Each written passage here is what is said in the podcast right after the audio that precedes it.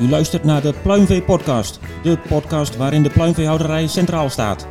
We bespreken de laatste ontwikkelingen en trends uit de sector met de experts in hun vakgebied. Vandaag staat centraal.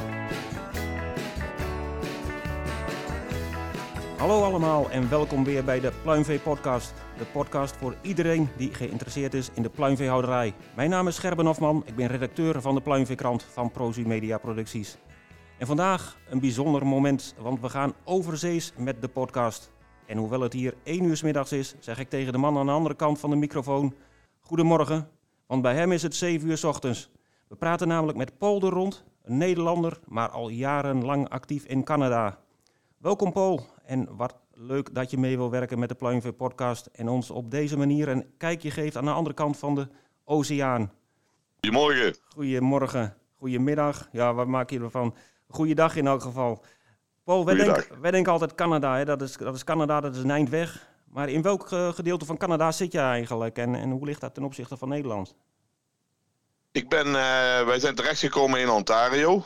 En Ontario is, eh, is best groot, maar wij zitten in Zuidwest-Ontario. En moet je bedenken dat dat eigenlijk op de hoogte ligt van Zuid-Frankrijk. En wij zitten hier in een gebied, ik wou zeggen, vier, ja, zes keer groter dan Nederland is het, is het Zuidwest-Ontario, waar eigenlijk de, de meeste mensen wonen, maar ook de meeste activiteiten zijn.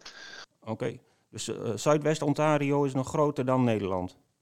Oh ja, ja, ja, ja. En dan moet je nagaan dat wij eh 4000 kilometer van de westkust zitten, dus bij Vancouver. En we zitten ongeveer 3000 kilometer van eh, Nova Scotia af. Ja, 2500 kilometer. Dus ja, we zitten net niet in het midden. Maar eh, Canada is gewoon ontzettend groot. Het is niet voor niks het grootste of het ene grootste land ter wereld. Hè? Nee, precies. Nee, wij praten hier altijd over honderden kilometers, maar eh, bij jullie gaat het gewoon in duizendtallen, eh, begrijp ik wel. Wij kunnen een dag rijden en de provincie van Ontario nog niet uit zijn. Ah, Oké, nou dat lukt hier niet. Of je moet wel eh, heel slechte weg weten. Ja. ja, joh. Ja. En, en hoe, hoe ben je daar zo verzeild geraakt? Nou, ik zat in, varkensbedrijf met mijn ouders in, eh, in Limburg. En eh, ja, het, avontuur lokte. Eh, varkens op dat moment waren niet zo heel erg goed. En wij, wij, ja, wij wilden overzees. En toen ben ik hier in eh, 2012, zijn we met de familie hier naartoe geïmmigreerd. En voor schippers gaan werken. Schippers, Bladel of, of de schippersgroep tegenwoordig, had een locatie in Alberta. Dus ja, wat is dat? 3200 kilometer van hier. En die wilde ook iets in Ontario hebben. Dus ik, eh, ja, ik ben hier toen met de familie beland en voor schippers aan de gang gegaan. Oké, dus jij, jij zag een vacature bij Schippers in Ontario en dacht van, nou, dat is, eh, dat is wat voor mij. Nou, ik weet niet of het, of het direct een vacature was. Ehm, ik had in 2002, nadat ik de CH in Dronten afgestudeerd was, had ik al eh, anderhalf jaar bij Schippers gewerkt. Toen, toen naar thuis gegaan. En eh, ja, daar is altijd contact geweest. Dus er was een, eh, er was een mogelijkheid om, eh, om hier iets te doen. Ja. Oké, en, en Canada, dat sprak jou aan. En je dacht van, laten we dat eens proberen. Laten we dat eens proberen. Ja, ja ik, was, ik was altijd gepassioneerd bij de grote velden en de grote machines en, en, en ja, alles groter. En ja, dat is nou al elf jaar geleden, deze zomer. Elf jaar geleden. En ja, we, we kijken niet meer terug. Het is, het is, eh, we hebben het goed naar de zin hier. Mooi zo, goed zo. Het Limburgse land verruild voor het wijdste Canadese land. Absoluut. Het heuvelachtige ja. zal misschien nog hetzelfde zijn, maar voor de rest is het denk ik helemaal anders. Het is, eh, ik noem het altijd de Flevopolder XXL. Oké, nou ja, de, de Flevopolder kennen wij hier wel. Vinden wij al grote Ja. percelen. Eh, zal er bij Ja. jullie helemaal interessant uitzien. Ja, ja, kom maar eens een keer kijken. Ja, nou goed. e- Eerst maar eens even zo proberen. En dan de volgende keer komen we kijken. En ehm, jij bent daar begonnen voor de schippersgroep toen. En, en wat Ja. doe je daar nu? Ben je daar nog steeds werkzaam of doe je wat anders? Nee, ik heb in eh, 2017 de overstap gemaakt, of eigenlijk ook, ook schippers hebben samen de overstap gemaakt naar, eh, naar Grand Valley Fortifiers. Eh, dus nou, vijf jaar eh, schippers gedaan. Het werd toch, we deden dat van, van thuis uit. We hadden het magazijn hier thuis. En toen ehm, werd er allemaal wel wat, ja, wat veel en groot. En toen is eigenlijk de hele schippers. ehm, distributie naar, naar Farmers Depot gegaan. Dat is een, een bedrijf ook van Grand Valley Fortifiers. En zo ben ik in de nutritie terechtgekomen. En ja, bij, bij Schippers deed ik varkens, kippen, koeien, alles. En, want we hadden iets voor iedereen. En nu heb ik mij gespecialiseerd in de varkens- en pluimvee nutritie. Oké, als voor Grand Valley Fortifiers? Voor Grand Valley Fortifiers, ja. Oké, en wat is dat voor bedrijf precies? Oh, wij, uh, wij zijn een premix-fabriek. We hebben drie premix uh, uh, productiefaciliteiten over Canada. Eentje staat in Cambridge, ongeveer anderhalf uur oost van hier op, op weg naar Toronto. En daar, daar mixen, wij, mixen wij mineralen. En dan werken wij met boeren die hun eigen voer maken. Uh, met, met onze nutritionisten. We hebben een team van vijf nutritionisten voor de monogastric team. En ehm, ja, dan leveren wij de premix plus een recept. Dus we kijken wat de boer op het bedrijf heeft. Nou, die heeft altijd mais. Tenminste hier in het mhm. westen is het meer tarwe en barley. Maar hier in Ontario mais, uh, sojameel. Maar we gebruiken ook sojabonen die we of roosten of, of uh, uh, sommige boeren die maken ze ook die extruden die bonen. Dus dan kunnen ze ook, zijn ze ook verteerbaar voor, uh, voor kippen. -huh. En dat proberen we eigenlijk met wat er op het bedrijf beschikbaar is. En misschien nog wat bijproducten. Om een, om een recept te maken. En dat, dat gaat eigenlijk heel erg goed. Oh, Oké, dus die, die pluimveehouders die zijn erg zelfvoorzienend qua, qua voeding. De, de, de, de vooruitstrevende. Uh, een varkensboer die maakt over het algemeen wel zijn eigen voer. Uh, ik, pluimveeboeren zijn hier altijd heel erg goed uh, bediend door, ehm, door de voerfabrieken. en dat begint, dat begint nou langzaam meer en meer interesse te komen om, uh, om eigen voer te maken. Oké, en, en... en, dat, is, dat, is, ja, dat vinden wij geweldig. Ja, want dan kunnen jullie weer met die premixen kunnen jullie er weer bij, uh, bij, bij springen. absoluut. Ja absoluut. En, en, en, wat, wat, wat drijft hun om, om meer eigen voer te maken? Nou, wat, wat hier het, uh, het geval is, dat uh, heel, heel veel uh, vee, zowel in de varkens als in de kippen, is grondgebonden. Ze hebben hun eigen grond al, ze groeien hun eigen mais al. En mais is, is, uh, ja, dat is voor jullie bijna niet voor te stellen, maar het is hier het, het, het goedkoopste product wat, wat, uh, wat in het voer kan gaan. En ja, als jij al, al uh, wij, wij, wij maken recepten met 60, 65 procent mais, dus je hebt al 65 procent van je voer op het bedrijf zitten. Mm-hmm. Dus heel veel, heel veel boeren slaan dat ook al zelf op. Dus waarom zou je dat naar een voerfabriek brengen? En zeg maar naar de voerfabriek sturen voor groothandelsprijs en dan voor, voor, uh, uh, voor verkoopprijs terugkopen. Ja, precies. Dus, ja, maar je, ja, maar de, de, de ondernemer moet er interesse in hebben. Uh, en, en, en, en ook, een, ja, ook een bepaalde omvang. Dus uh, er, zijn, er zijn genoeg voor die bedrijven beschikbaar hier. Oké, je zegt uh, beschikbaar uh, voor geïnteresseerde pluimveehouders? Of hoe moet, ik dat zien? Nou, ik bedoel voor, ik bedoel voor, voor de business. Uh, om hier te starten als pluimveehouder is een heel ander verhaal vanwege het quotasysteem. Dus daar, ja, daar moet nog behoorlijk wat dollars op tafel gelegd worden. Oh, okay. het, het, is een hele, het is een hele goede als je erin zit, kun je een hele goede boterham verdienen. Oké, okay. nou over dat quotasysteem willen we straks nog even doorpraten. Maar uh, ja. wat, wat, is jouw rol precies bij uh, Grand Valley Fortifiers? Ik ben zelf geen nutritionist, maar ik zit in de verkoop en de service. Dus het is mijn, als, er, als, er, een mogelijkheid is om, om meer business te vinden, dan, dan staat Paul vooraan. En ja, dan, de, iedereen binnen het bedrijf is dan beschikbaar om, om, om te helpen. Met, met name de nutritionisten. Maar ja, ik zit dus in de verkoop en en doe verleen ook service. En werk heel kort samen met de, het team van nutritionisten om, uh, ja, om, om de ogen en de oren in de stal en op het bedrijf terug te koppelen naar, uh, naar kantoor. Of als de nutritionist naar de stal moet komen, dan, uh, dan doen ze dat ook. Oh, Oké, dus jij bent eigenlijk, je doet eigenlijk wat een, wat een voeradviseur in Nederland doet. Alleen dan ja. gaat het vooral niet om voer verkopen, maar echt om advies. En om de juiste premix ja. erbij te krijgen. Ja, mijn titel zegt Livestock Business Consultant. Dus wat alles, alles wat daarbij hoort, uh, doen we. Ja. Oké, okay. en daar, uh, daar rijd jij uh, heel Ontario van rond, maar dat zal wel te veel zijn, nog niet? Nou, het Zuidwest-Ontario, wat ik eerder beschreef, uh, daar, daar rijd ik rond. wat doen we? Ongeveer 80, 90.000 kilometer per jaar. We zijn meestal thuis.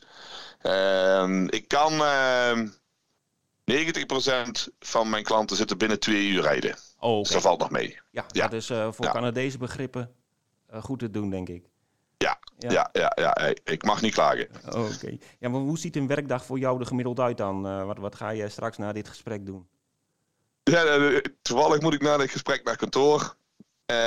dat is een uur en een drie kwartier rijden. En dan van daaruit, toevallig vandaag een varkensdag, dus, naar een naar een varkensklant om te discussiëren. Die, die, die, heeft altijd zijn eigen voer gemaakt, gaat weer zijn eigen voer maken. Dus kijken dat we, ja, dat we op de juiste lijn zitten. Dus daar zit ik om één uur. Maar eerst om tien uur nog een uh, afspraak in kantoor. Oh, oké. Ja. En uh, wat voor type pluimveeklanten heb jij? Uh, zijn dat vooral vleeskuikenhouders, leghennenhouders? Ik heb eigenlijk een mix van, van legkippen en vleeskuikens.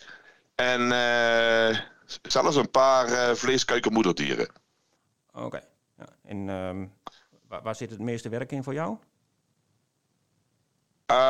Um, ik, ik zou zeggen vleeskuikens. Um, ja, de ronde gaat gewoon ontzettend snel. dus daar, daar uh, proberen we wel altijd wat aandacht aan te geven.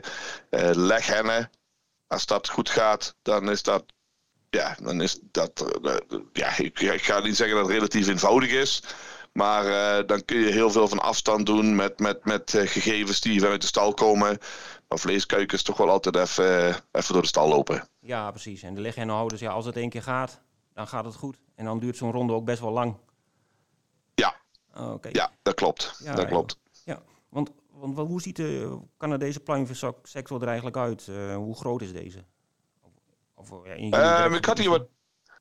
Ja, ik had hier wat nummers uh, opgezocht. Uh, zeg maar Ontario, of, of, zeg maar Canada heeft uh, eh, 12, iets over 1200 uh, legkippenbedrijven.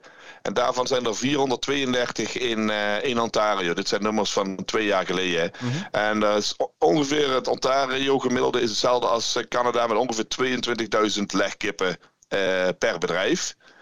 Aan de vleeskuikenkant heeft Canada 1831 vleeskuikenbedrijven.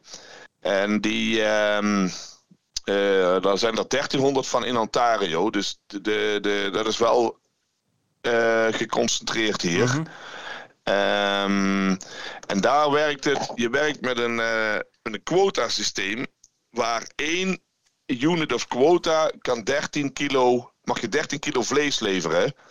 Dus uh, in Ontario is dat gemiddeld 470.000 kilo vlees. Als je dat dan gedeeld door die 13 doet, dan, uh, dan zit je volgens mij, wat is dat, op, op 32.000. Even snel rekenen. Ja, 36.000 units of quota. En als we dan toch bij die quota zijn, dan wordt het nog ingewikkelder. Want dan doe jij die eh, quota, of dat vlees, dat produceer je in een 10, 9, 8 of 7 weken cyclus. Oké. En, hè, maar als we het meest, meest standaard is 8 weken. Dus dan heb je 6,5 ronden per jaar. 52 gedeelde 8 is 6,5. Nou, als je dan die 13 kilo per unit of quota gedeeld door 6,5 doet, dan kun jij die periode 2 kilo per unit leveren. Als je dan in uh, een, een, een hele, uh, hoe zeg je dat, favoriete kip, grote, die hier gegroeid mhm. wordt, is 2,2 kilo's. Ja. Dan zit je dus ongeveer dezelfde aantal kippen als units of quota als je op een 8 weken cyclus zit. Nou, wat je, wat je ziet is dat ehm, met een, met een, als mensen uit gaan breiden of, of, uh, of een nieuwe stal gaan bouwen, dan dan bouwen ze een nieuwe stal. En dan gaan ze zeg maar eerst naar tien of negen weken. Mhm. Want dan zit die stal weer voller.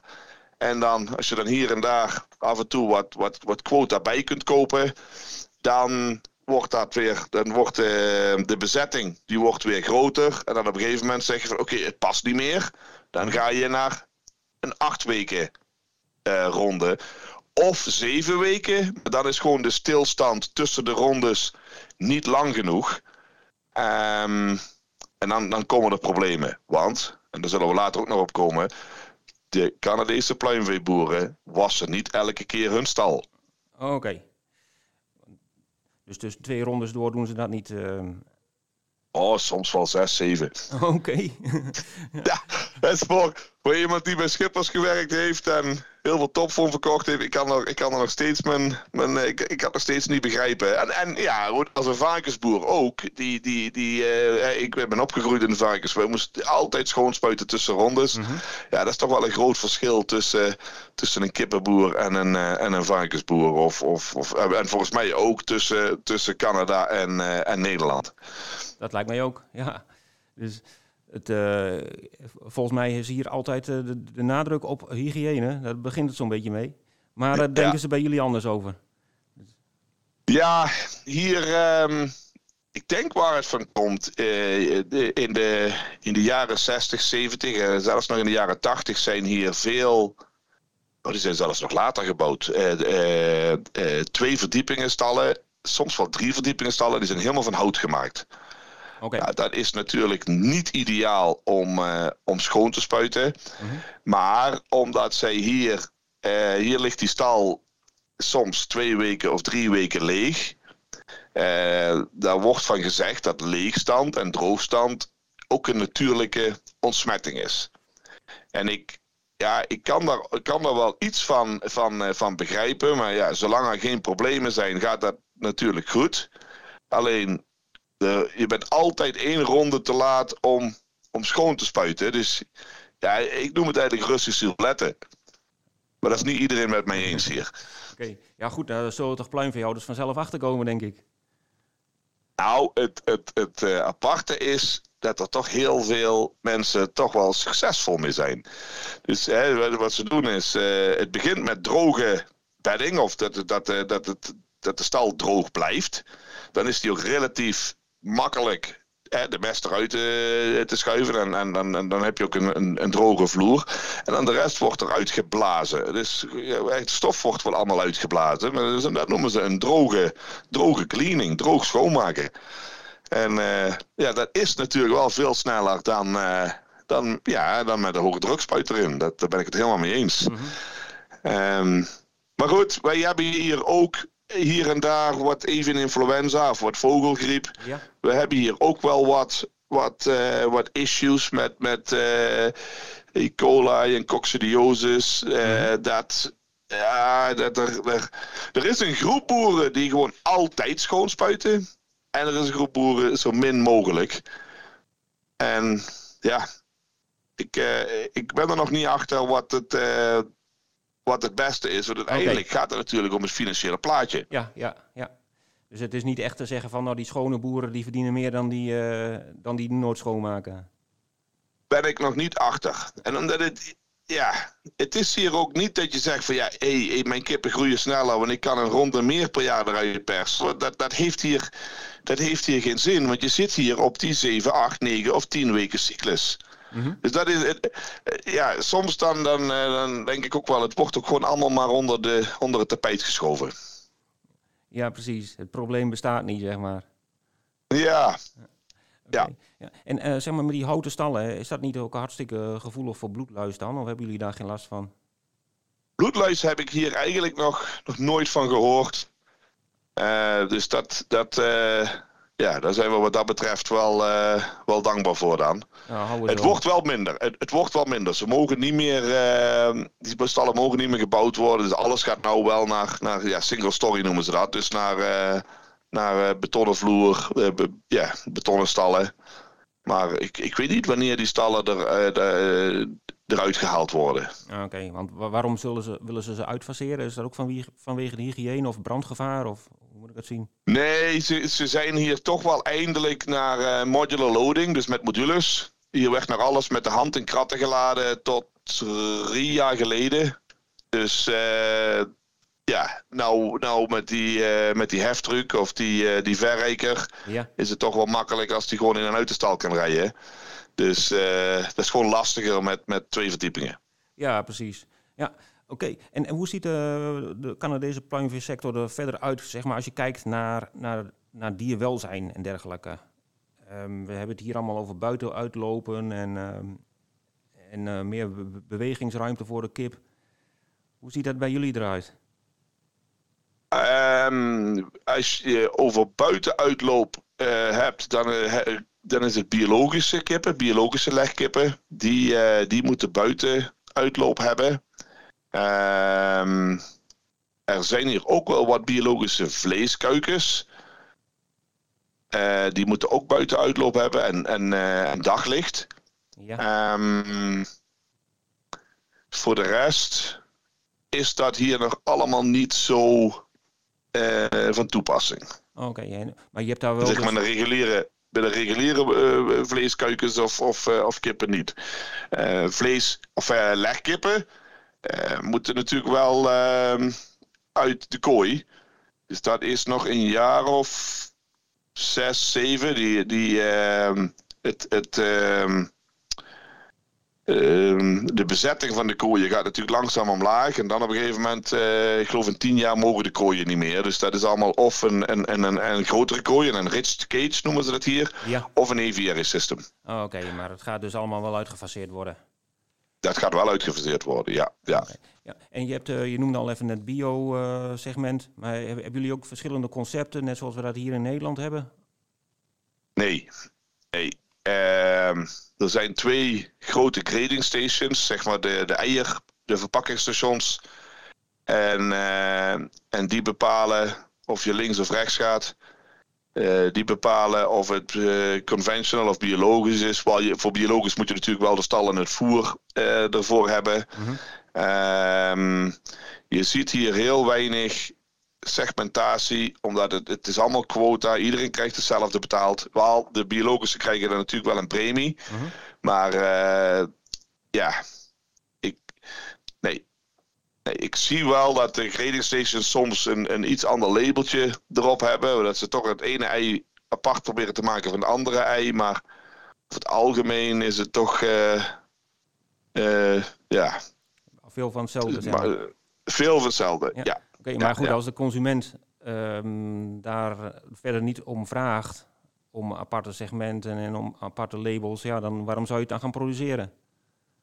Ja, ik weet niet of het, of het de consument is die het vraagt. Of, of ja, natuurlijk is het is, uh, het aanbod. Als het, als het er is, mensen kopen het. Uh, we zitten op het moment wel met ontzettend dure eieren vanwege, vanwege uh, ja, een, een, hoge kostprijs, hoge voerkosten. Ja. Dan heb ik het gevoel dat, dat, dat er ook ja, mensen gaan toch, om dat eitje betaalbaar te houden, die gaan gewoon voor, ja, voor het lekkerste eitje. En niet, niet, dat hoeft niet altijd het duurste eitje te zijn. Oké, ja, zo werkt, het, uh, zo werkt het overal volgens mij. Ja. Zeker als het duurder wordt, ja. dan laten ze de, de, ja, de eieren die duurder zijn, laten ze wel liggen. Ja. ja. En um, even kijken, hoe, hoe draai je Canadese pluimveehouders technisch ten opzichte van Nederlandse? Heb je daar ook een beeld bij?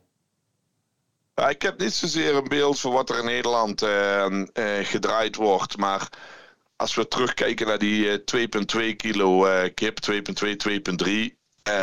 dan zitten we toch op een. Ehm, we kunnen 1,48 tot 1,52 voerconversie draaien. Mm -hmm. op de betaalde kilo's. Uh, we proberen natuurlijk de, de afkeuringen zo laag mogelijk uh, te houden. En daar, daar hebben wij met, met mash voer. Hè. We, we doen mash als we voer. Uh, dus de boeren zelf een voer maken, dat is over het algemeen mashvoer. Mm of, of hoe noem je dat? ja, zelf, zelf mixvoer, dus niet, niet gepellet.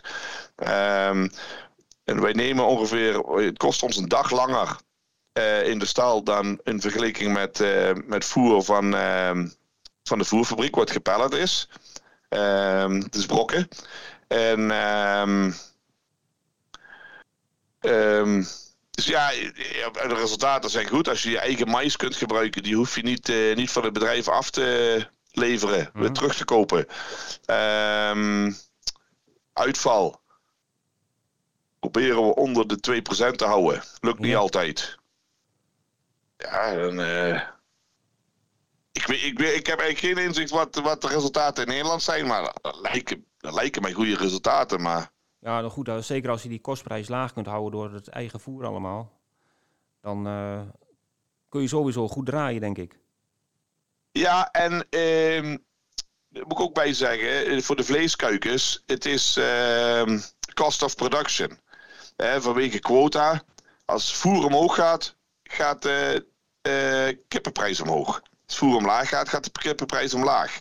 Mhm. Dus uh, vleeskuikenhouder is, is, als hij het goed doet, is hij gegarandeerd, heeft hij goed inkomen. Oké, en goed doet, dat betekent, betekent gewoon behoorlijk technisch draaien. Ja, gewoon lekker technisch draaien. Ja. Oké. Ja. ja. En um, ja, jij bent natuurlijk als Nederlander daar actief. In, uh, in, in, de pluimveesector, in de varkenssector. Maar als je kijkt in de pluimveesector, hè, kun je daar ook meer, meer Nederlandse invloeden merken? Ja, ja. Ik, uh, wel, er zijn gewoon, er zitten hier gewoon ontzettend veel Nederlanders in dit gebied. Uh, dat is begonnen na de oorlog. Uh, wat is het, 1948. Uh, toen kwamen ze er met de boot, later met het vliegtuig. Mm -hmm. Dus er zitten hier heel veel derde generatie, tweede generatie. En heel sporadisch komt er nog een keer een Nederlander die immigreert uh, over. Of, zeg maar uh, uh, een boer. Het is gewoon heel moeilijk om nou te starten hier. Gewoon vanwege de, de prijzen. Land, grond is, is, is ontzettend duur geworden. Ehm, ik heb het zien verdubbelen in de tien jaar dat wij hier zijn. En het, heeft, het is verdubbeld in de tien jaar daarvoor. Dus degenen die hier eind jaren negentig gekomen zijn, die hebben het land twee keer zien verdubbelen. Dus het is gewoon, het is gewoon super moeilijk. En dan, ja, quota. één unit of quota voor broilers is 200 dollar. 210 dollar op het moment. Dat is nog vrij verhandelbaar. Mhm. Dus uh, ja, begin maar eens. Uh, als, we, als we dan het gemiddelde Canadese bedrijf hebben met 36.000 units. Of laten we. Je moet minstens 14.000 units hebben. Dat is het, het, het, minimum. Nou, doe dat keer 210. Dan zit je al op 3 miljoen aan quota. Ja, precies. En dan moet je de grond nog kopen. Ja, en de stal nog bouwen. Ja. Dus uh, het is, uh, ja, het is om te starten uh, niet meer zo heel erg makkelijk. Oh. Maar hey, als er iemand uitgekocht wordt in Nederland en met een zak geld komt, dan zijn er altijd nog wel mogelijkheden hier. Oh, oké. Ja, nou goed, dat was ook nog een vraagje van mij. Van, ja, zijn er perspectieven voor Nederlandse pluimveehouders? Maar dan moet je echt, je moet wel geld meenemen, begrijp ik. Je moet, ja, ja, ja, ja, ja. Voor jij en ik is het, is het gewoon niet meer mogelijk. Oké, nou dan, uh, dan blijven we maar gewoon dit werk doen, denk ik. Ja, en we hebben er, we hebben er elke dag plezier in, dus ik, uh, ik vind het prima. Goed zo. Ja, en um, in, in Nederland en in, in Europa, je noemde het net ook al even een beetje de, de vogelgriep, dat is een groot probleem. Um, hoe zit het bij jullie en wordt er ook gesproken over vaccineren? Um, ik weet op het moment niet de status van vaccineren. Maar wij hadden hier uh, een aantal uitbraken die nu weer weer, weer weg zijn. Uh, het was echt in, in twee, twee kleine gebieden.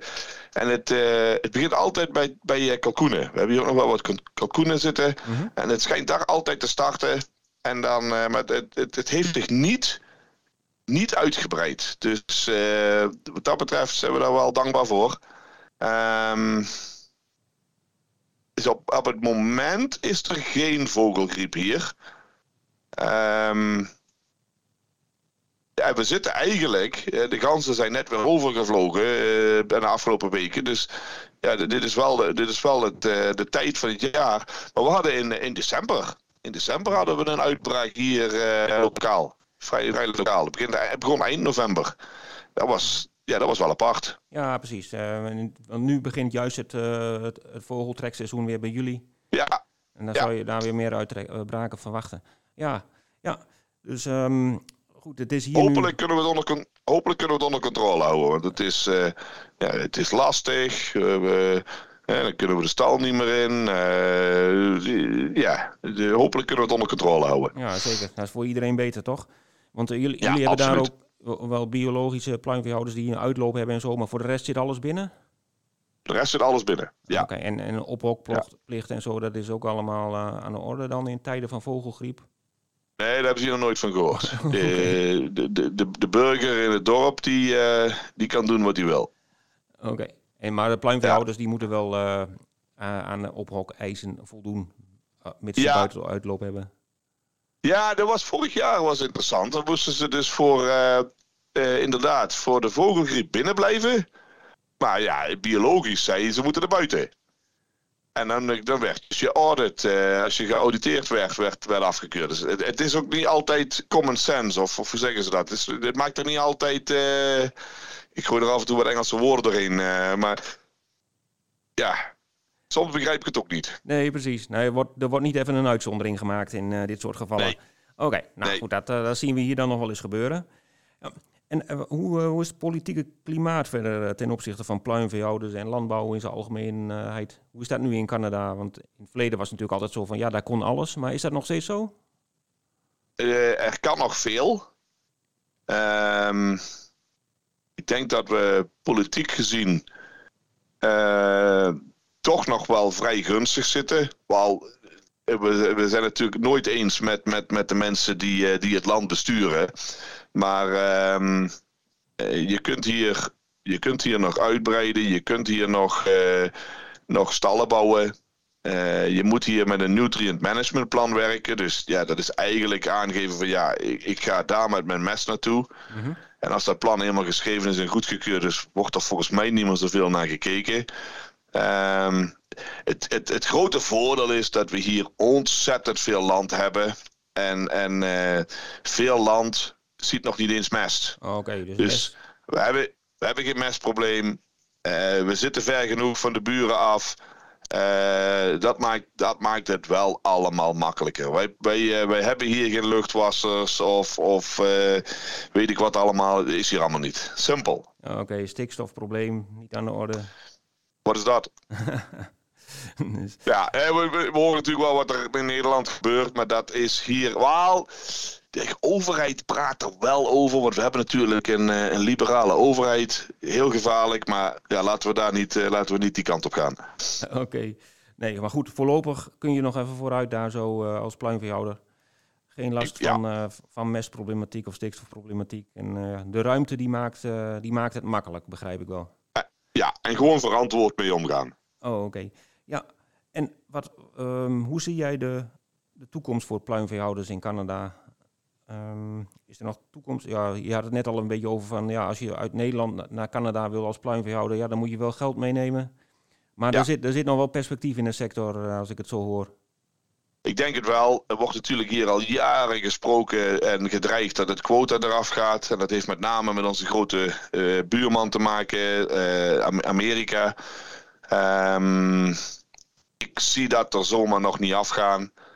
Uh, de, de, de, de grens wordt wel beetje bij beetje elke keer opengezet. Uh, meer opengezet. we moeten al uh, zoveel procent van de kuikentjes moeten uit Amerika komen. De broedeieren of de kuikentjes. Dus dat, dat wordt langzaam wel opengezet. Maar ik zie dat quota nog niet verdwijnen. En ja, zolang dat quota er blijft, is er nog wel een boterham te verdienen. Ja, oké. Want als dat quota eraf gaat, betekent dat dan dat je zeg maar um, zoveel kippen kunt houden als je wil? Of, gaat, dan wordt de hele markt verstoord? Of hoe gaat het eruit zien? Dat weet niemand. Dat weet niemand. En, en ik denk, als we terugkijken naar Nederland, dachten we ook dat we zoveel mogelijk koeien konden gaan houden. Dat is, dat is, dat is niet uitgekomen toen. Hè. Dat hadden ze opeens iets anders bedacht. Dus ik, ik, ik, ik, eh, ik snap niks van politiek. Dus ik, ik weet het niet. En ik denk dat het nog heel lang duurt voordat het quota eraf gaat. Want we hebben natuurlijk ook bij de koeien nog steeds quota hier. Een van de weinige landen. Uh, en dat is iets wat ik ook nog even moet zeggen. Kijk, leghennen. Ja, we hebben natuurlijk een, een, uh, een lange leg. Maar die is maximaal 51 weken. We kunnen maximaal. Uh, hè, dus we moeten de, de hen verplaatsen voordat hij 19 weken wordt. Ja. En dan mag hij maar 51 weken in de, in de stal zitten. Dus wij hebben hier relatief een korte uh, legperiode. Ja. Wordt wel over gesproken om die met een maand te verlengen. Maar uh, ja, dat, dat, is ook nog iets unieks okay, uh, in de wereld. En, en wat zit daarachter dan? Wat ik ervan begrepen heb is, jaren geleden waren er wat problemen met, uh, met eikwaliteit, schaalkwaliteit. Hebben ze gezegd van, oh, we doen het gewoon al, allemaal 51 weken. Uh, ik weet dat Manitoba, die zit op 13 ehm, maanden. Uh, maar Ontario is, is maximaal 51 weken. Um, en ja, als je quota hebt, dan, uh, dan heb je niet altijd alles zelf voor het zeggen. Nee, dan, dan, zijn er, dan, dan, komt er een boek met regeltjes bij. Ja, oké. Okay, ja. Maar zeg maar... Het moet, moet, voor iedereen hetzelfde zijn. Ja, ja. En, en als we het hebben over die ei-kwaliteit, de eischaalkwaliteit, eh, daar ligt dan voor jullie ook wel een, eh, een rol in weggelegd uh, als voerleverancier. Absoluut. En, uh, ja, ja, ja, absoluut. Dat, dat, is, dat, is, dat is altijd een leuke uitdaging om, om zo min mogelijk breuken in die eitjes te krijgen. Ja, met voeding moet daar wat aan te doen zijn, toch? Ja, absoluut. Oké. En, en um, ik zag laatst, jij bent niet alleen actief bij Grand Valley Fortifiers, maar ik zag je ook actief met een Avi-cleaner. Wat doe je daar precies mee? En wat zijn je plannen daarmee? Nou, ik, ik, eh, het kan zijn dat je een, een, lichte frustratie eerder gehoord hebt over het schoonmaken van, uh, van stallen. Ik krijg altijd te horen, ja, maar het is zoveel werk. En, en, en, uh, en ja, ik, ik, ik ben toch ervan overtuigd dat schoon beginnen ehm, eh, is, kan een groter succes geven op een, uh, op een succesronde. Het is niet altijd een succes, maar een groter succes. Mhm. Je neemt die Russische roulette, uh, neem je weg. Dus ik zag vorig jaar, was, rond deze tijd, rond de VIF geloof ik, zag ik uh, Avicleaner op, op social media. En ik zeg, dat is het dat is, die, die machine moeten we hebben. Dus ik, uh, ik eerst eens gepolst hier bij een aantal boeren. En uh, we gaan zo'n ding niet kopen voor, voordat we de stal één keer per jaar wassen. Mm Dus ik denk, ja, maar, maar Paul moet wel zo'n ding tot zijn beschikking hebben. Dus uh, ik, ja, dan, ik, ik, ik rijd natuurlijk ontzettend veel. Heb, heb ontzettend veel tijd om na te denken en, en telefoontjes te maken. Dus op een gegeven moment uh, heb ik met, uh, met iemand die ik goed ken hier uit de buurt, die ook vleeskeukens heeft en elke ronde wast, het idee voorgelegd. Hij zegt: Paul, dit gaan we doen. We gaan, uh, we gaan die avencleaner kopen. We mhm. gaan er een, een trailer ehm, bij maken met, met hoge drukspuiten in. En we gaan een, een, we gaan een compleet pakket aanbieden. En we gaan die, we gaan, die setup gaan we verhuren. Dus ja, dat doen we nou. Dus wij hebben Next, Next Gen Cleaning Solutions opgericht. Ja. En uh, ik was nog niet druk genoeg. dus ja, dat doen, we, dat doen we erbij. En, en hiermee, ja, hiermee helpen we. Kijk, er zijn natuurlijk wel, wel, uh, wel schoonmaakbedrijven die hier uh, schoonmaken met een hele crew van mensen binnenkomen. Maar ook met, met ehm, diezelfde crews worden ook ingehuurd als er, eh, als er vogelgriep is. Dus uh, ja, daar moeten we voorzichtig mee zijn. Uh, ik zeg helemaal niks verkeerd over die jongens. Iedereen doet, doet geweldig werk. Maar een boer die, die toch de arbeid beschikbaar heeft, die, uh, ja, die kan nu die AV-cleaner huren van ons voor een dag of voor twee dagen. De meer dagen beter natuurlijk. Mhm. En die, die trainen wij in het gebruik van de AV-cleaner. Natuurlijk doen we er nog wat topvorm bij. Uh, van, van, uh, van schippers kunnen we, kunnen we aanbieden. Als, als de boer dat wil. Ik zou, ik zou zeggen wel. Want je moet natuurlijk altijd de afwas doen met, met een afwasmiddel. Dat is hetzelfde met schoonspuiten. Mhm. Dus uh, ja, wij hebben die beschikbaar gemaakt. En het, ja, het, het loopt. Ja, Het loopt. We, we, moeten een beetje meer marketing doen. Maar we hebben een, we hebben een leuke start gehad. We zijn nu twee, drie maanden bezig. En ja, een, eh, een hobby erbij. Ja, nee, geen hobby. Het moet wel, uh, moet wel geld verdiend worden. Maar uh, ja, het is gewoon een, een idee om het ja, met schoonmaken makkelijker te maken. Ja, precies. En, want, want die Avicleaner die maakt, um, die maakt voerlijnen schoon, of wat doet hij ook alweer? Ja, die, die voerlijnen en waterleidingen. Daar oh, is hij helemaal op gefocust. En het is, ja, het is eigenlijk een, een, een, een, een, een, een, een vierkante bak, een, een, afwasmachine op, op rupsen die je zelf bestuurt. En uh, die heeft twee hoge drukspuiten nodig om hem, uh, om hem aan te drijven. Dus om, om uh, de nozzles allemaal te laten wassen. En dat is gewoon een, ja, een, een drie, drie, driedimensionale wash. Ja, precies. Een rijdende wasstraat, zeg maar. Ja, inderdaad. Oh, okay. ja, ja. ja. Nou, en, en zeg maar, de resultaten die zijn goed. Mensen enthousiast? Mensen zijn enthousiast. En uh, ja, ik krijg er een beetje een beter gevoel bij als die stal weer schoon is als ze beginnen. Ja, natuurlijk. Ja. Maar je kunt ze nog zo goed voer geven. Als die stal niet schoon is, dan uh, neem je onnodig risico. Het, ik, ik, uh, ik denk het wel. Oh. Maar er is nog niet iedereen van overtuigd. maar ja. Ja, dus... Nou, mooi. Ja, dus dat is wel een duidelijk verhaal. Jij wilt een einde maken aan de Russische roulette. die het niet wassen van stallen ehm, met zich meebrengt. Dat is uh, goed om te horen. Ik denk ook dat we een heleboel besproken hebben. Ik weet niet of er nog dingen zijn waarvan jij zegt van nou dat is nog even belangrijk. Dat moet de Nederlandse pluimveehouder weten. Um, maar dan kun je ze nu nog uh, meedelen. Canada is een prachtig land. Uh, er zitten hier, wat hebben we hier? Twee keer zoveel mensen in een land wat 240 keer groter is dan, dan Nederland. Ontario zelf is 22 keer groter dan Nederland. Er is hier ruimte. Uh, we zitten hier, uh, we noemen het de Great Lakes. We, we, hebben 20% van het zoetwateroppervlak. We hebben hier in de achtertuin liggen.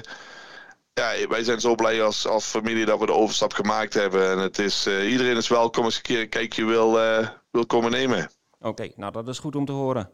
Ik ben benieuwd hoeveel mensen er binnenkort bij jou in de achtertuin staan na het horen van de podcast. Ja, er wordt heel vaak gezegd van we, we komen. En dan duurt het nog een paar jaar. Dus ik maak me er geen zorgen om. Oké, okay, ja. Nou, goed zo.